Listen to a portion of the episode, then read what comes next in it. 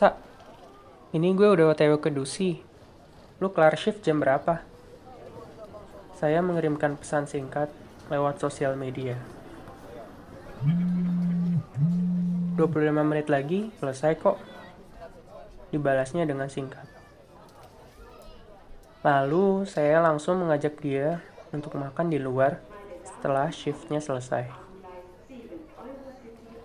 Jam tanganku menunjukkan pukul 15.35 sore. Dan beberapa orang sudah selesai mengantor dan mengarah pulang. Aku naik kereta ke arah kota yang aku tuju.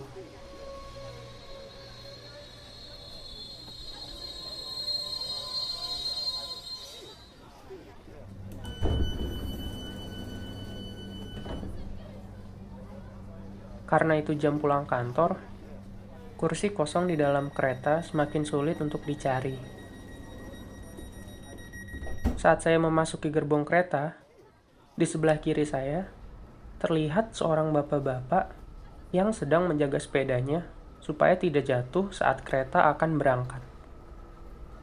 Jenis sepeda itu adalah sepeda kota, dengan keranjangnya di depan dan sepasang kantung berwarna coklat di belakang sadel sepedanya. Warna kantung itu sama warnanya seperti mantel yang digunakan oleh sang bapak. Dengan topi baret yang berwarna hitam dan kacamata vintage layaknya seorang profesor. Beberapa meter dari bapak tersebut, akhirnya saya menemukan juga tempat duduk kosong di bagian sebelah kanan gerbong kereta. Saya langsung duduk di kursi bagian sebelah kanan gerbong yang bersebelahan dengan jendela. Letak tempat duduk pada gerbong kereta ini adalah dua kursi di kanan yang bersebelahan, lorong gerbong kereta, lalu dua kursi di kiri yang bersebelahan juga. Setiap dua baris kursi Terdapat juga empat kursi yang posisinya berhadapan, sehingga memudahkan jika kita berpergian bersama teman dan saling berbincang secara berhadapan. Ya, walaupun kursi-kursi di kereta ini terlihat sedikit butek, namun tidak ada bau yang tak sedap. Walaupun saat itu saya sendiri, saya tidak merasakan kesepian karena saya ditemani oleh lagu yang berjudul Cinta yang dibawakan oleh Vina Panduwinata. Saya melihat banyak orang yang berlalu lalang di lorong karena belum mendapatkan tempat duduk. Dan tidak ada satu orang pun yang meminta izin untuk duduk di sebelah saya. Maksudnya apa? Apakah ini hal yang rumrah? Ya, di negara ini tidak aneh jika kita duduk bersebelahan dengan orang asing di tempat umum. Tapi tetap saja yang harus kita lakukan hanya meminta izin kepada orang yang sudah duduk supaya terlihat lebih sopan. Namun, saat kereta hendak berjalan, masih tidak ada orang yang duduk di sebelah saya. Bahkan, beberapa dari penumpang lebih memilih untuk berdiri di dekat pintu keluar gerbong daripada duduk sama saya. Rasa cemas mulai merasuki ke dalam pikiran saya. Kenapa tidak ada yang mau duduk di sebelah saya? Apakah karena saya seorang pendatang, bukan penduduk asli dari negara ini? Atau memang nggak ada aja yang mau duduk sama saya? Perasaan yang saya rasakan sama seperti halnya rasa ketika pertama kali saya mendatangi negara ini. Semua orang bilang ini culture shock. Karena beradaptasi di suatu tempat baru tidak akan pernah mudah. Menurut saya, lebih susah lagi untuk beradaptasi di negara ini karena negara ini memiliki musim dingin yang sering kali menusuk kulit menembus mantel musim dinginku mengingatkan saya dan menegaskan bahwa saya seorang diri di negara orang lain. Forkor tuh itu. Suara kondektur membayarkan lamunan saya untuk meminta tiket. Dengan sigap, saya mengeluarkan semester tiket saya dan menunjukkan tiket tersebut kepada sang kondektur. Alls good shouldn't talk no. Teguran kondektur hampir tidak terdengarkan oleh saya, karena mungkin lagu yang saya dengarkan terlalu keras. Rasa cemasku tadi membawaku ke masa depan. Karena tidak terasa, udah lima lagu yang terlewatkan. Ketika saya memberikan tiket kepada kondektur, saya baru tersadar bahwa sang kondektur menggunakan masker N95. Masker yang di awal pandemi corona digembor-gemborkan untuk bisa mencegah penularan COVID-19 mengingatkan kembali ke rasa cemas saya. Bahwa mungkin nggak ada yang mau duduk sebelahan sama saya karena sekarang lagi pandemi virus corona. Ini sudah sewajarnya kan? Karena orang-orang diharuskan untuk menjaga jarak satu sama lain. Memang itu jawabannya. Mungkin itu jawaban yang benar. Dasar kebiasaan overthinking yang saya punya memang suatu sifat yang harus saya kurang-kurangi. Perjalanan kereta berlangsung selama 15 menit. Karena saya duduk di sebelah jendela, saya bisa melihat dengan jelas apa yang ada di sebelah kanan saya. Memang tidak seindah perjalanan Jakarta-Bandung menggunakan kereta. Melihat sawah, melihat cerahnya matahari, melihat mobil berlalu lalang di jalan tol. Rute yang saya ambil sekarang bukan rute yang seperti itu. Selama perjalanan, yang saya lihat hanyalah gedung-gedung bertingkat dan bahkan saya melewati sebuah airport. Airport. Titik terdekat dengan rumah.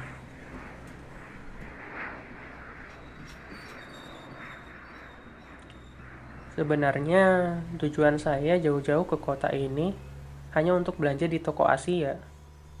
Karena saya membutuhkan beberapa serai dan daun salam untuk memasak orek tempe. Kenapa saya jauh-jauh ke kota lain untuk ke toko Asia? Karena teman saya bekerja shift di toko Asia tersebut sebagai kasir. Lumayan. Kalau misalkan dia yang kasir, saya bisa mendapatkan diskon 10% dari total belanja.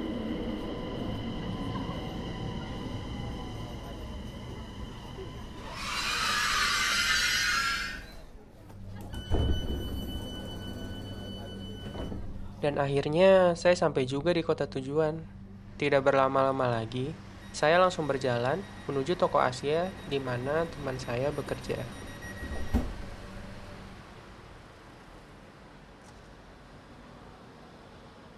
Saya selesai belanja bersamaan dengan waktu teman saya selesai shift. Jadi ya, saya tunggu dia sebentar di depan toko, selagi teman saya bersiap-siap untuk pulang. Karena teman saya harus mengecek penghasilan dari hari itu, melaporkannya kepada atasan, dan berganti baju casual dari baju seragam toko Asia tersebut. Pada saat ini, negara Jerman memang sudah memasuki waktu musim dingin Rasa dingin itu terasa menusuk kulit saya. Walaupun semua orang di sini, termasuk saya, sudah mulai menggunakan berbagai macam mantel dan jaket tebal. Jenis-jenis mantel yang orang pakai di sini banyak. Ada yang menggunakan bulu angsa di lehernya. Kebanyakan mantel juga berbahan katun tebal, dan di dalamnya terdapat lapisan hangat tambahan untuk menjaga suhu tubuh. Dan biasanya juga mantel tersebut mempunyai satu kantong di dalam dan dua kantong di luar. Biasanya sih kita naruh dompet di kantong dalam ya. Karena rawan copet juga kalau kita menaruh dompet di kantong luar mantel kita. Oh iya, panjang mantel orang-orang di sini juga beragam. Ada yang pendek maupun melebihi lutut. tidak sedikit juga orang yang berlalu lalang menggunakan jaket berbahan fiber sintetis. Orang-orang Jerman banyak menggunakan merek Jack Wolfskin, merek asli dari Jerman. Mereka terlihat seperti mereka memiliki kebanggaan tersendiri saat memakai Jack Wolfskin. Memang harus diakui bahwa kualitas jaket tersebut sangat bagus dan ternama. Tapi terkadang saya juga bertanya-tanya, kapan bangsaku bisa seperti itu? Lebih memilih brand lokal dibanding brand luar. Contohnya, banyak sekali para pelajar yang lebih memilih sepatu Vans dibandingkan Kompas atau Ventela. Atau mungkin ibu-ibu saat pergi ke mall menggunakan tas kulit bermerek Louis Vuitton. Padahal di Garut kualitas tas kulitnya juga bagus-bagus dengan harga yang tidak sebegitu mahal dibandingkan dengan Louis Vuitton. Atau nggak usah jauh-jauh deh, bahkan untuk memakai batik setiap hari Jumat kita juga terkadang lupa kan.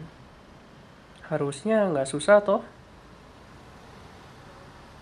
Tak lama kemudian, temanku menepuk pundak kananku sembari menyapa. Eh, BTW, gue dapat susu coklat gratis nih. Tadi dibagiin untuk karyawan. Ucapnya.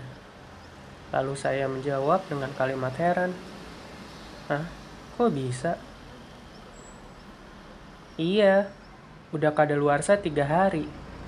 Tapi masih enak kok. Tadi gue udah cobain soalnya. Langsung lu masukin kulkas ya. Kalau lama di luar, nanti cepat asem. Dibalasnya sembari memberikan susu coklat tersebut kepada saya. Teman saya ini adalah seorang perempuan yang bernama Sasa.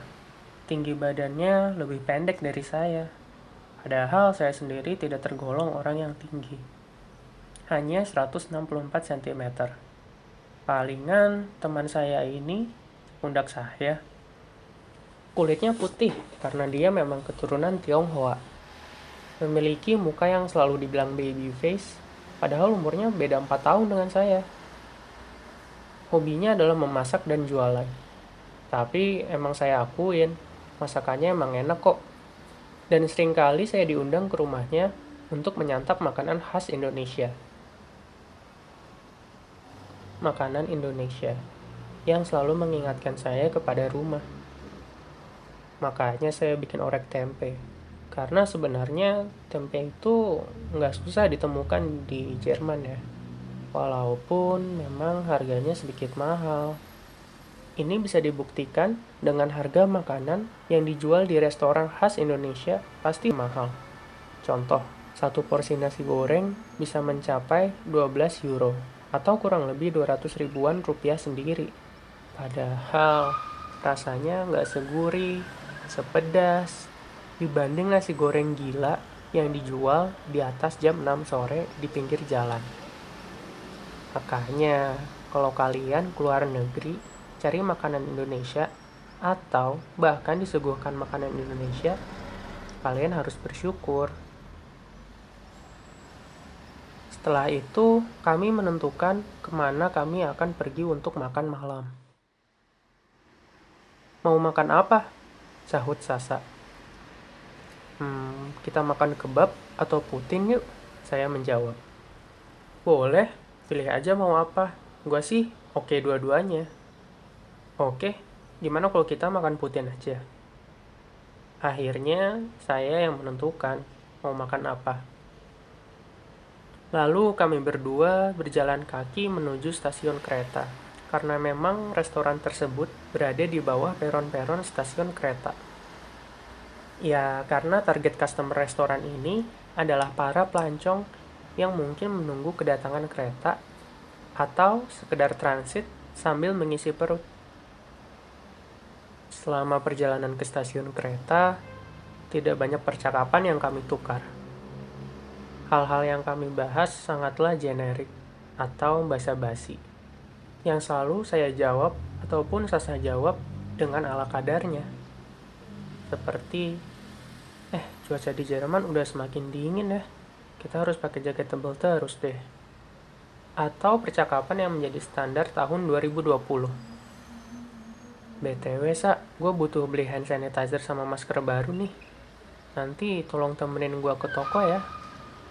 Dan serem banget sih, kasus corona di kota ini lagi naik loh. Sampai akhirnya Sasa bertanya tentang studi yang tengah saya lakukan. Sebenarnya bertanya studi ke pelajar adalah sebuah hal yang tabu, bahkan di Jerman sekalipun. Tetapi hal itu menjadi lumrah jika kita teman baik. Pada saat itu, fokus saya terpecahkan oleh intonasi pertanyaan yang dikeluarkan Sasa.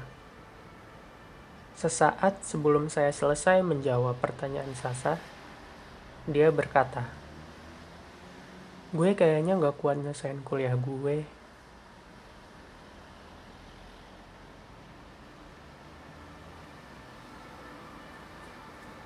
Apa respon yang tepat jika ada seseorang berkata seperti itu sama kalian? Di satu sisi, saya rasa saya harus tetap memberikan semangat supaya teman saya, Sasa, menyelesaikan kuliahnya. Tetapi di sisi lain, kuliah di luar negeri sangat mempengaruhi mental kita sebagai mahasiswa. Saya bisa berkata demikian karena saya merasakan sendiri bagaimana kejamnya sistem pendidikan di Jerman kepada mental pelajar Indonesia di sini. Nggak sedikit juga mahasiswa atau mahasiswi yang pulang ke Indonesia tanpa membawa ijazah kelulusan. ada banyak variabel yang membuat mereka gagal. Ada beberapa dari mereka yang tidak lulus mata kuliah setelah tiga kali percobaan. Karena memang, jika kita sudah tiga kali gagal dalam suatu mata kuliah, kita diwajibkan untuk mengganti jurusan. Atau mungkin dari sisi ekonomi, banyak pelajar yang tidak memiliki uang yang cukup untuk melanjutkan pendidikan. Ya, walaupun kuliah di Jerman sudah tergolong murah, tetapi kita tidak akan bisa survive jika kita tidak memanage uang kita dengan bijak. Tidak sedikit juga mahasiswa yang terlalu asik jalan-jalan, bahkan pacaran sama bule sampai lupa pelajaran. Atau kasus yang sering ditemukan adalah bagaimana para pelajar kehilangan fokus saat kuliah dan saat ujian karena kondisi mental mereka. Jadi, jika teman saya udah berkata dia nggak kuat lagi, maka itu adalah hal yang serius, yang di mana kita sebagai pendengar dan teman yang baik harus berhati-hati dalam menjawabnya.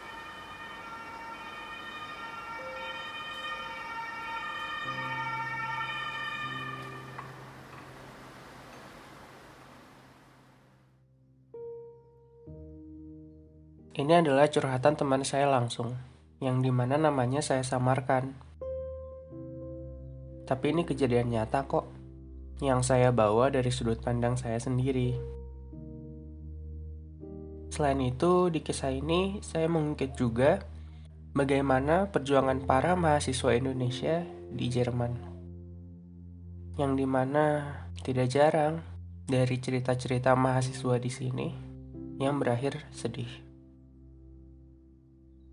Terkadang saya merasakan rasa kecewa karena kebanyakan orang menghargai seseorang yang kuliah di luar negeri hanya karena prestisinya.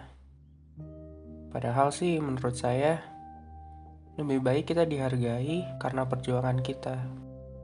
Karena kuliah di sini memang benar-benar bukan hal yang mudah. Dan cerita ini akan saya lanjutkan di episode 2. Sebagai penutup, saya mohon maaf atas segala kekurangan dalam kisah kamu podcast episode 1 ini. Karena saya emang belum terlalu lancar ngomongnya. Intonasi dan artikulasi juga masih kurang jelas. Apalagi editing sound. Sebelumnya saya belum pernah melakukan editing sound. Jadi saya hanya meraba-raba editing sound itu seperti apa. Dan semoga aja ke depannya kualitas podcast ini makin bagus. Supaya para pendengar ingin bercerita melalui podcast ini.